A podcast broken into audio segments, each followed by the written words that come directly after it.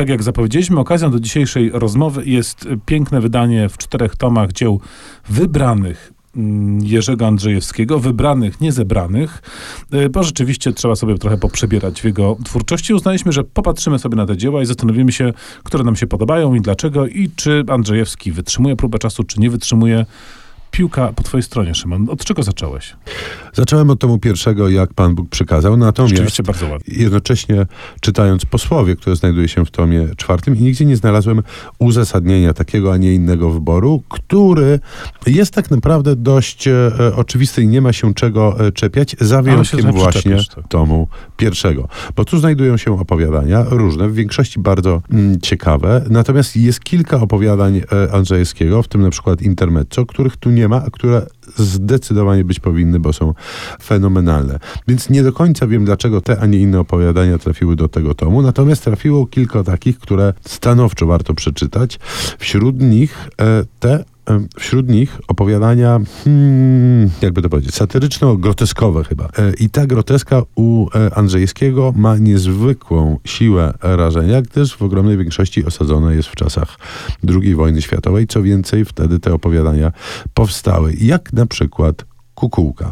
To jest arcyśmieszne, fenomenalne opowiadanie, którego nikt później chyba nie odważyłby się e, napisać, bo e, no, dość e, ryzykowne jest, co tu dużo mówiąc. Otóż jest jedna pani, która mieszka w centrum miasta, pani konsulowa, i druga pani, która mieszka poza miastem, na jego obrzeżach. Panie były kiedyś przyjaciółkami, poznają się przy jakiejś tam okazji i e, zadzierzgają aktywność konspiracyjną. Jednocześnie pani mieszkająca na obrzeżach zaczyna e, handlować złotem przy, w towarzystwie swojego e, męża, a pani konsulowa posyła na przedmieścia co i róż to, a to konspiratorów, a to młodych ludzi, którzy w kieszeniach płaszczy trzymają steny czy inne pistolety, a to Żydów szukających schronienia. Czyta się to wszystko jak komedię pomyłek. Te realia wojenne są tam przedstawione za pomocą tych najbardziej kojarzących się z nimi e, artefaktów, a przy tym jest to jeden wielki wygłup, wyśmienicie ukazujący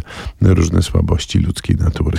No to ja do zadania zmierzenia się z Andrzejewskim po latach podszedłem nieco z innej flanki, bo zabrałem się za miazgę. Przyznaję się tutaj uczciwie, wcześniej miazgi nie czytałem, jakoś nie zeszliśmy sobie No to jest ta najgrubsza flanka. To jest ta najgrubsza i najpoważniejsza flanka. Przypomnijmy, Miazga, taka powieść legendarna, którą Andrzejewski zaczął pisać, potem odrzucił, potem się wahał, bo to się wszystko zmieniało, zbyt dynamiczne były czasy i jest to coś w rodzaju opus magnum, ale jakoś tam niedokończonego, fragmentarycznego, specyficznego. I muszę powiedzieć, że mam w sumie mieszane wrażenia z, z Miazgi, w tym sensie, że to w ogóle jest świetny rok. Na marginesie dodajmy, żeby ją czytać, bo daty tej części dziennikowej, powiedzmy diariuszowej, dokładnie zgadzają się z datami tegorocznymi, czyli jak tam jest 7 marca i to jest konkretny dzień tygodnia, to taki właśnie przypada w tym tygodniu, to taka miła wstawka.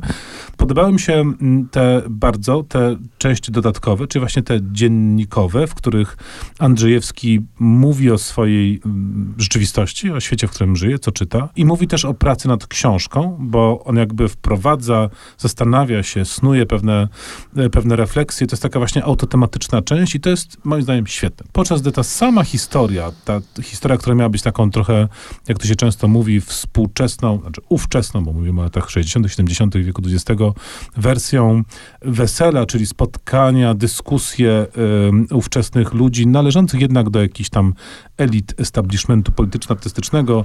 Mnóstwo postaci, które są ewidentnie aluzją do istniejących osób, jak choćby Wajda, jak choćby Cybulski, cała masa innych osób.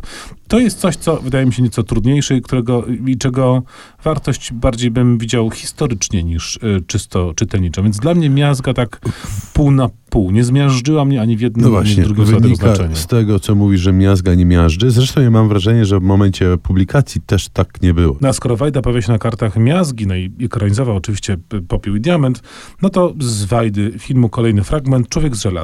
Kompozycja Andrzeja Korzyńskiego.